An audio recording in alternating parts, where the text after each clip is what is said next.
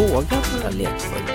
Inte tveka, bara börja med någonting. Ja, precis. Och eh, Lotta Bromé med en kollega eh, rekommenderar. Det finns massa kurser inom AI. Men alla går ju ut på att man börjar experimentera. OpenAI har ju lanserat nu en, eh, en funktion i deras AI-shop. Hallå där och varmt välkommen in till oss för en ny vecka i dagens måndagsmix. Vatten, vatten och mer vatten. Nu smälter snön med översvämningar till följd av detta. SMHI har koll. Minnesluckan, så heter en ny rockpodd med Janne Innanfors och Backyard Babies Nicke Borg. AI kanske inte är så farligt, eller vi får tips. Och så är det dags för ännu en gala då. Ikväll kommer Jerringpris och andra priser delas ut när det är idrott idrottsgala. Programledare är Måns Zelmerlöw tillsammans med Carolina Klüft och det är hon som är dagens den gäst. tredje är du redo Jeff? då är att du kan Janne, odla grönsaker eller Då kör banta vi. Vi befinner oss i tider av galor. och förra veckan så var det Guldbaggegala men ikväll då blir det idrottsgala och det är Carolina Klüft och Måns Zelmerlöw som ska leda det. Välkommen hit Carolina Klüft. Tusen tack. Extra festligt kanske ikväll för det är 25-årsjubileum av galan. Det är det och det är extra festligt absolut. Och det kommer också märkas i galan att, att det firar 25 år och att vi också kommer att minnas tillbaka och även hylla tidigare pristagare och stora idrottshjältar. Men sen är det såklart fokus på året som har gått och de som har gjort fina idrottsprestationer. Hur många Jörgen du rektor på? Hyper Jag har inte räknat Island. men Stort det har blivit några stycken under åren och inte alltid då som nominerad utan också som, som gäst och medlem i Idrottsakademin. Men definitivt så har du ju priser därifrån. Var, var har du alla dina priser? De har varit länge på mitt kontor i Växjö men nu har jag dem faktiskt hemma i mitt gym kan man säga, där de står Idrottsgalapriserna och Jerringpriset tillsammans med några medaljer. Så de, de finns faktiskt framme numera. Det var tvungen att gå några år innan, innan de plockades fram och kunde vara nära. Har du ställt dem i gymmet i Gärsö då? För du bor i Järvsö nu för tiden. Ja, precis, det är där de finns. Jaha. Vad är det för gym? Vad, vad behöver man ha som före detta elitidrottare? Ja, det viktigaste är ju en skivstång såklart, så man kan köra styrka. Eh, Men också ett löpband som man kan köra sån typ av träning. Häckar är också en nödvändighet tycker jag, så man kan köra lite häckskolning och häckhopp och annat. Så det blir en del friidrottsträning ändå. Det är lätt att man snör in på sina gamla hjulspår. Att leda då den här galan tillsammans med Måns, berätta om första gången ni träffades, det var lite speciellt. Ja, det var ju länge sedan när jag skulle gifta mig, 2007, och då ordnade mina vänner en möhippa för mig i Växjö. Jag hade ingen aning om vad som skulle ske och de började piffa upp mig och klä på mig någon klänning och sminka mig och sätta på rätta grejer och sen så på mig ögonbinden och jag tas till en plats och när ögonbinden åker av så står han där framför mig, Måns Zelmerlöw. Jag får då dansa loss med mums mums. Och jag kände mig hemskt obekväm med min eh, som välbyggda muskulösa kropp och den här lilla lilla klänningen och ja, jag kände mig helt eh, fel men det var ett väldigt roligt minne och en väldigt eh, fin person i Måns som tog sig an att försöka lära mig en cha-cha där. Cha-cha är väl inte enkelt heller? Nej, det tyckte jag inte, men jag gjorde så gott jag kunde i alla fall. Ja, ja. Hur har det gått med Let's Dance då? Nej, det har inte blivit något Let's Dance för mig. För att? Men du har fått frågan många gånger. Det har jag fått. Ja. Ja. Det har lockat någon gång sådär att, ah. Men sen är det det där du vet att dra på sig de där klänningarna och klackskorna som tar emot. ja, men Masked Singer har du varit med om i alla fall. Det har jag, det var med förra säsongen. Väldigt mycket såklart för att det är ett av favoritprogrammen här hemma bland barnen. Mina tre barn, även om den yngsta inte riktigt har förstått ännu. Men de två äldre barnen, de blev väldigt överraskade kan jag säga. Och det var en väldigt kul grej att vara med på. Visst är det så att du alltid har varit ett stort Carola-fan? Det stämmer, Annars är det väl Lalle som du älskar också? såklart. Och därav att ett av barnen heter Lalle. Ja, det är inspirerat av, av henne, absolut. Vilken låt vill du att vi ska spela? Men då tycker jag Goliat är väldigt bra. Då kör vi Goliat. Det är Carolina Klüft som är dagens gäst här i Mix Megapol med mig, Lotta Bromé. Du, i år så är det 20 år sedan du vann guld i OS i Aten, sjukamp. Ja, det är så konstigt att tänka på att det är 20 år sedan. Hur jobbigt är det att du, i alla fall förr, ofta fick höra att du slutade alldeles för tidigt? Du kunde ha tagit så många fler medaljer. Jag har nog inte reflekterat över det. Jag tycker jag höll på nog längre än vad jag trodde från början. Och det handlar nog om att jag också inledde min idrottskarriär ganska tidigt eller att jag åtminstone vann stora mästerskapsguld som ganska ung och det är ganska påfrestande också att vara en idrottare på den nivån, både för kroppen och för huvudet. Så att jag har liksom aldrig känt så själv. Och då var det ändå många röster som redan när jag bytte gren 2008 som höjde sina röster om att de tyckte att jag skulle sluta och det var patetiskt att se mig fortsätta och sådär. Så att det har nog funnits olika röster kring det. Men för mig var det väldigt så. Jag ska ha min idrottskarriär, jag ska köra sjukamp, sen vill jag satsa på en enskild gren, sen vill jag sluta, sen vill jag göra andra saker och bilda familj och så vidare. Att liksom allting på något sätt haft sin tid och lite haft som en plan att göra på det sättet. Och jag kanske är, ja, ibland kanske jag är lite irriterande att jag håller mig till min plan verkligen. Men det har jag ändå gjort och det har känts skönt för mig också. Kanske därför jag också har sluppit någon sån här kris, att så här, åh, jag slutade för tidigt. För att jag har känt, att nu är jag färdig med detta. Folk har nog haft åsikter om det mesta. Ja, och också om vem du är då. Att du var sprallig och att du höll på att greja med kameran, att du fixade. Ja, det har ju definitivt provocerat många. Det tror man kanske också handlar om spontanitet, men för mig var det också väldigt mycket en medveten strategi för att jag kände att om jag ska vara på stora arenor så vill jag också under min idrottskarriär njuta av det. Och njuta för mig handlar inte bara om tävlingsmomentet, utan njuta av mig handlar också om det, allt det där vid sidan om, att ta in publiken, att vara med mina kollegor eller heja på en annan svensk på samma arena. Att vara i stämningen och atmosfären. Så att för mig var det medvetet att jag måste få njuta och jag kan också tävla och fokusera men jag kan växla däremellan. Så att jag kan verkligen säga med stolthet tycker jag att jag har njutit mycket av mm. att tävla och vara på stora arenor och inte bara gått runt och varit nervös och haft prestationsångest. Det har jag väl också haft men inte så att jag har, att det har tagit över. Du låter alltid så säker i dig själv. Men också du måste väl ha känt dig liten någon gång ja. ibland, mitt i all denna uppmärksamhet och allt. Absolut, känner mig liten fortfarande ibland såklart. Men jag har jobbat väldigt mycket med min självkänsla. Och att inte basera den på bara prestationer, att inte ha en prestationsorienterad självkänsla där bilden av mig själv är att varje gång jag presterar bra eller om jag lyckas med någonting, då är jag toppen. Och när jag inte gör det så är jag inte lika bra, utan jag har försökt så här, skilja på person och prestation i, i den mån det går se prestationen som en bonus men inte något som ska vara grundläggande för den jag är. Och det har jag jobbat hårt med både under idrottskarriären och även nu fortfarande för att ha en viss balans och känna att om jag går in ikväll på en idrottsgala i direktsändning och så blir det något som blir tok eller fel, då kommer inte jag ha panik och falla som människa och känna att jag är värdelös. kommer jag kanske tycka, ah, rackarns att jag inte satte den där grejen, men för att jag är en tävlingsperson. Men men inte så att jag tycker att jag är dålig på kvällen och kommer känna så här, oh, gud nu har jag gjort bort mig för hela svenska folket, utan jag kommer nog ta det med en klackspark. Apropå det där, jag, jag har ett minne av dig, det var när ni kom hem efter att du hade tagit ditt OS-guld. Jag utgår ifrån att du inte kommer ihåg det här, men ni skulle hyllas i Kungsträdgården. Och så var det jag och Ingvar Oldsberg som skulle stå där och så skulle du gå fram till kanten och så märkte jag att du var lite nervös och då frågade jag dig, vill jag ska hålla dig i handen när vi går fram? Ja, gärna. och så gick vi tillsammans. Ja, men tack snälla. Ja. Det måste jag ju säga tack för då i efterhand att du tog en ung tjejs ja, men jag, bara, jag hand. funderar på det, för det är inte självklart att du ska stå där inför alla dessa tusen människor.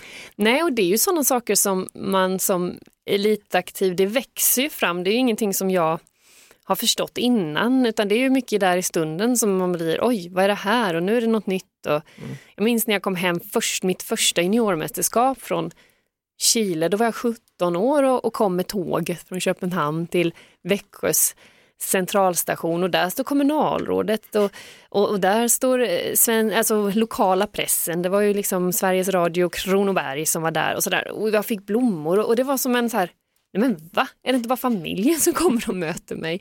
Så att sådana saker fick jag ju verkligen uppleva. Men jag känner ju enorm tacksamhet över det. Det var ju mm. häftigt och väldigt glad över att du tog mig i hand där. Det kändes mm. lite mm. läskigt att kliva ut på scenen. En annan favorit för dig det är ju Carola. Vad ska vi spela av henne tycker du? Åh, gud, det finns så många att välja på. Eh, nej, men då skulle jag nog ta Genom allt som tog mig genom VM i Helsingfors med en stukad fot. Mycket tvivel och mycket kraft genom den låten. Herregud att du klarade av det med en stukad fot. Ja, det var, det oj, var så här i efterhand känns det nästan som att det var omöjligt. Genom allt. Mm. ja, det är Carolina Klüft som vill höra Carola med låten som tog henne igenom allt, den stukade foten när det var VM i Helsingfors. Lotta Bromé på Mix Megapol. Eh, Carolina Klüft tillsammans med maken Patrik har ju tre barn och hon tycker det är viktigt att man faktiskt ser barnen för vilka de är och inte för vad de presterar och det här kan man tänka på när man till exempel spelar spel. Jag ser ju redan nu att det finns en viss tävlingsinstinkt. Ehm, framförallt tycker de att det är jobbigt att förlora, kan man bli arg och ledsen och så. Men jag tror att man kan hjälpa barn väldigt mycket. Dels handlar det om att inte alltid berömma dem för sina prestationer utan mer för sin ambition. Gjorde du ditt bästa? Men vad härligt, hade du kul? Inte bara ge ett enkelt beröm, vad duktig du var, utan försöka mer se dem för deras ansträngningar än för deras resultat. Så det försöker jag tänka på. Eh, och sen tycker jag det är viktigt att när vi leker saker och ting hemma eller om vi tävlar mot varandra så är det inte så att jag bara låter mina barn vinna. Utan ibland slår jag dem också. Vad sa du nu, låter dina barn vinna? Nej, jag låter inte dem vinna. Nej, du låter inte dem vinna? Nej. Är det någon idrottsperson som gör det? Nej, men ibland tror jag man vill barnen väl genom att de ska få känna det här härliga av att vinna. Men jag vill inte heller signalera till dem att det bara är okej att vinna, utan det är också okej att förlora. Då får du säga grattis och gå vidare. Men det är inte alltid lätt. Nej. Men nu brukar vi i alla fall efter vi har spelat spel och sådär, om jag råkar vinna så brukar jag ändå få dem att säga grattis mamma. Ja, ni har flyttat till Järvsö. Mm. Varför? Ja, eh, vi hade fritidshus i Järvsö sedan några år tillbaka vi hittade dit tack vare goda vänner egentligen. Gillar både sommar och vinter. Det var liksom ett lagom avstånd från Stockholm som vi bodde i då. Eh, men vi tyckte liksom att det var så härligt där på något sätt. Och det var lite kontrast till det liv vi hade levt tidigare. Ja, känns det skönt att barnen får växa upp på landet? Det är både och såklart. Det är jätteidylliskt och superhärligt på så många sätt. Och speciellt nu är det ju oroliga tider och även min äldsta dotter är ju jätterädd för att det ska bli krig och hon hör ju saker på nyheterna och sådär. Och då känns det väldigt skönt att vara på en väldigt trygg plats där de ändå kan gå in och ut och göra som de vill och liksom sådär. Samtidigt så är det ju en väldigt skyddad värld så att man måste ju också lämna Järvsö och se världen på ett annat sätt. Så att mm. det går ju inte bara hänga där. Så det, det är liksom både och. Jag tror att de mår nog bra av att vara där men vi mår också bra av att åka därifrån ibland. Alltså, du har ju läst konflikthantering då. Hur pratar du om kriget med ditt barns oro? Jag tycker det är oerhört svårt för att det här är ju en, en situation som åtminstone jag inte är uppväxt i, född på 80-talet, där vi liksom, krig för mig känns otroligt avlägset och gör nog det fortfarande, även om jag förstår att vi måste vara realistiska och kanske tänka tanken åtminstone. Men jag tror ändå att jag försöker säga till mina barn att inte de ska oroa sig och att till min äldsta dotter att vi pratar om det och berättar vad du känner men också försöka liksom nyansera att, att det är inte så troligt och det är inget som vi som kan påverka här och nu utan vi kan liksom bara försöka leva ha kul och härligt tillsammans och sen så skulle det ske så tror jag då får man väl ta det till nästa steg men det är mm. svårt. Jag tror alla tycker det nu, just nu. Och ikväll är det alltså idrottsgala. Ja. Vad kommer du ha på dig? Klackat och klänning? Mm, det och dansa en cha-cha? Nej, det där med cha-cha tror jag vi stryker. Men klart att det ska vara lite galakläder på. Så jag hoppas det ska, ska glittra och eh, synas att vi är på gala. Sjunger ni en duett? Det gör vi inte heller. Nej. Nej, så kul ska vi inte ha. Ska vi fokusera på idrotterna. Du, då önskar jag dig allt gott inför kvällen. Jättekul att träffa dig igen, Carolina Klüft. Tack detsamma. Tack för att du ville komma till Mix Megapol.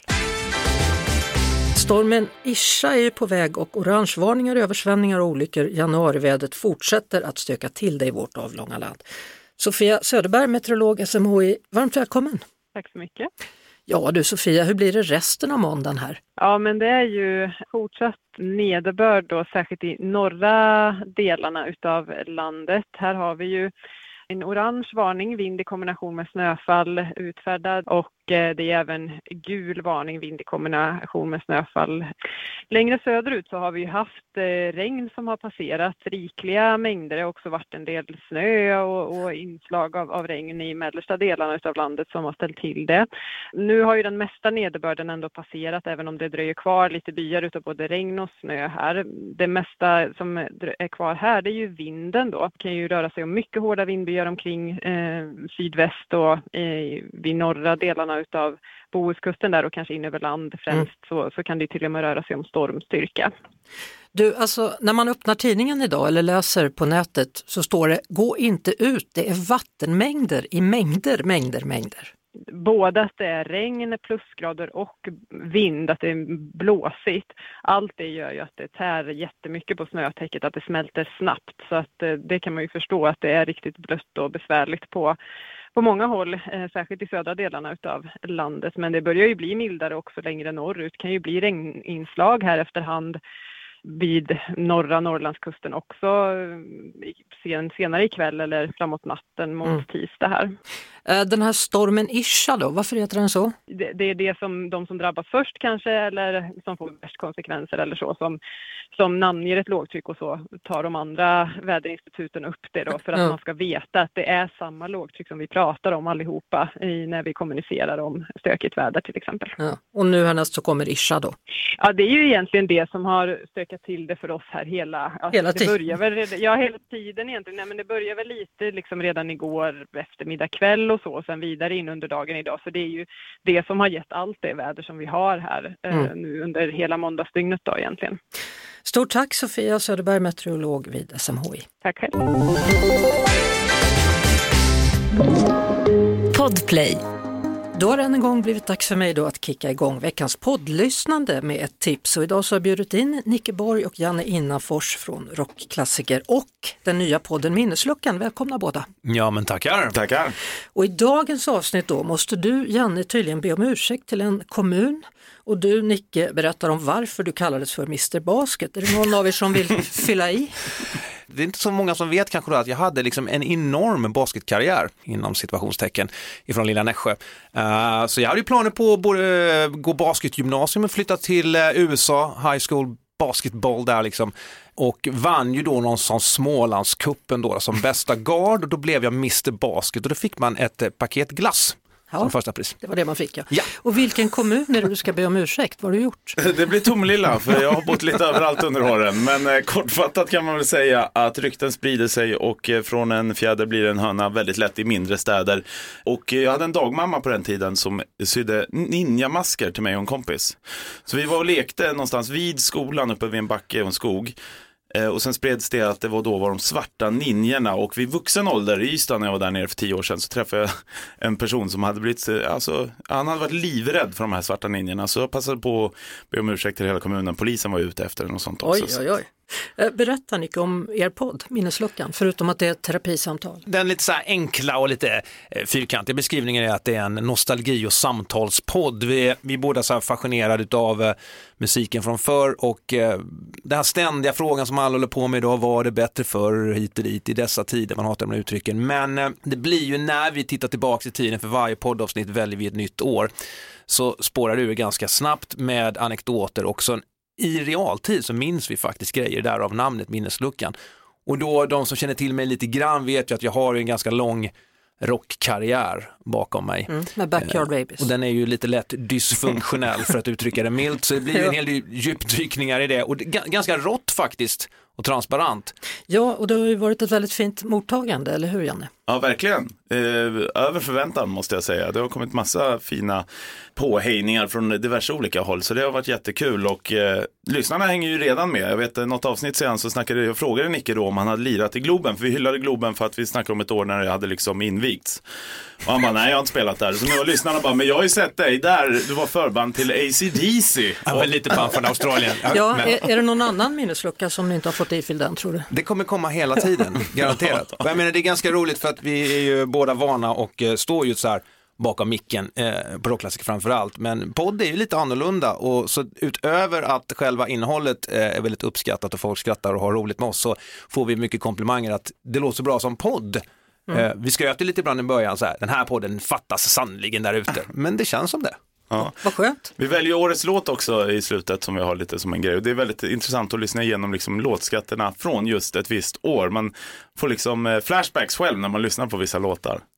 Minnesluckan handlar om alltså med Nickeborg och Janne Innanfors och ni hittar den på podplay.se och i Podplay-appen. Tack för att ni kom hit. Tack själv. Och i år är faktiskt året som jag ska försöka komma igång med AI. Men det är svårt att veta var jag ska börja någonstans. Jag har ringt upp Jörg Teichgräber som är rektor på Hyper Island för tre enkla tips. Och det första då, Jörg, är tydligen att man ska erkänna att man inte riktigt förstår. När man går in i något som man verkligen inte förstår, då är det sämsta du kan göra att låtsas att du förstår. Då är det bättre att säga jag fattar inte och jag är skrämd. Ditt andra tips då, det är att faktiskt våga vara lekfull och inte tveka, bara börja med någonting. Ja, precis. Och eh, sätta sig ihop med en kollega, det som jag rekommenderar. Det finns massa kurser inom AI nu.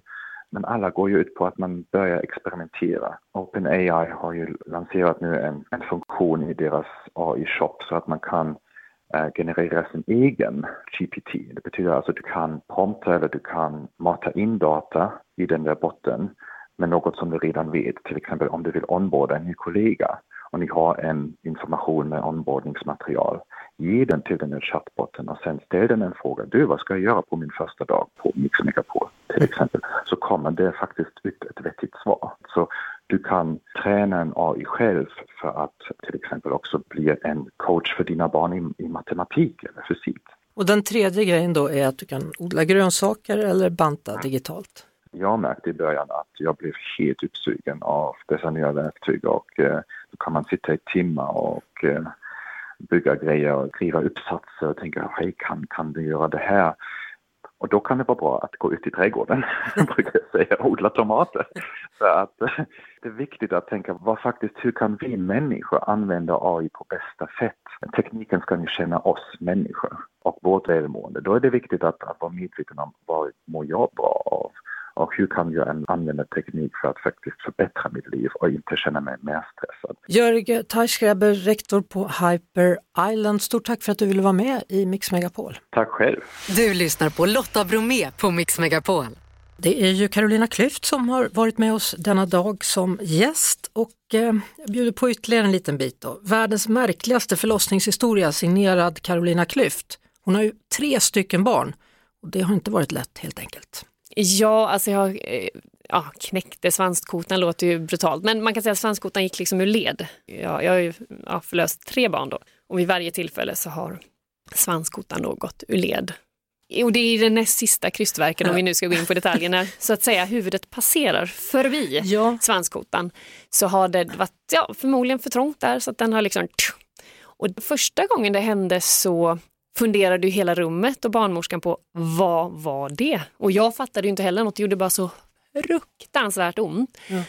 Men sen ganska snabbt förstod jag att det var någonting med svanskotan för jag kunde inte ligga på svanskotan och ner mot rumpan. Så hur fick du tillbaka den? Det var någon kiropraktor som bröt tillbaka? Den, man kan göra det men, men min läkare som jag hade stort förtroende för då sa att den går tillbaka. Vänta ut den istället. Eh, det tog några månader och då trodde jag faktiskt att jag skulle slippa släppa det sen i andra förlossningen. Då skulle jag föda på sidan och liksom, nu, nu kanske det inte, men då small det igen och då, var jag, då ville jag bara fly. Jag fick panik. Barnmorskan fick ta tag i mig och bara nu lugnar du ner dig. För det var, gjorde så fruktansvärt ont andra gången, det var ännu värre. Men tredje gången då var jag mentalt förberedd så då stålsatte jag mig. Nu, nu, vis, nu visste jag, nu är det näst sista krystvärken, nu kommer det smälla. Jo. Och så small det och jag bara sa till Patrik med liksom så här han hämtade in andan och bara, nu small den. Och sen vidare liksom. Så då hade jag verkligen mentalt förberett mig. Så jag undrar, kommer den smälla en fjärde gång eller Nej, räcker det? Är det nu, bra är det nu? Bra. nu är det bra. Nu är det bra. Nu får den vara i fred faktiskt. Ja, vad härligt för den. Ja, ja verkligen. Och för dig. Lotta Bromé på Mix Megapol. För idag så är det över och slut. Janne, Jeanette och Lotta säger tack och hej. Det gör också vår återkomne producent Jeff Neumann. Nu tar Erik Myrlund över. Vi hörs igen imorgon efter 16. Ett poddtips från Podplay. I podden Något Kaiko garanterar östgötarna Brutti och jag, Davva, dig en stor dos skratt. Där följer jag pladask för köttätandet igen. Man är lite som en jävla vampyr. Man har fått lite blodsmak och då måste man ha mer. Udda spaningar, fängslande anekdoter och en och annan arg rant.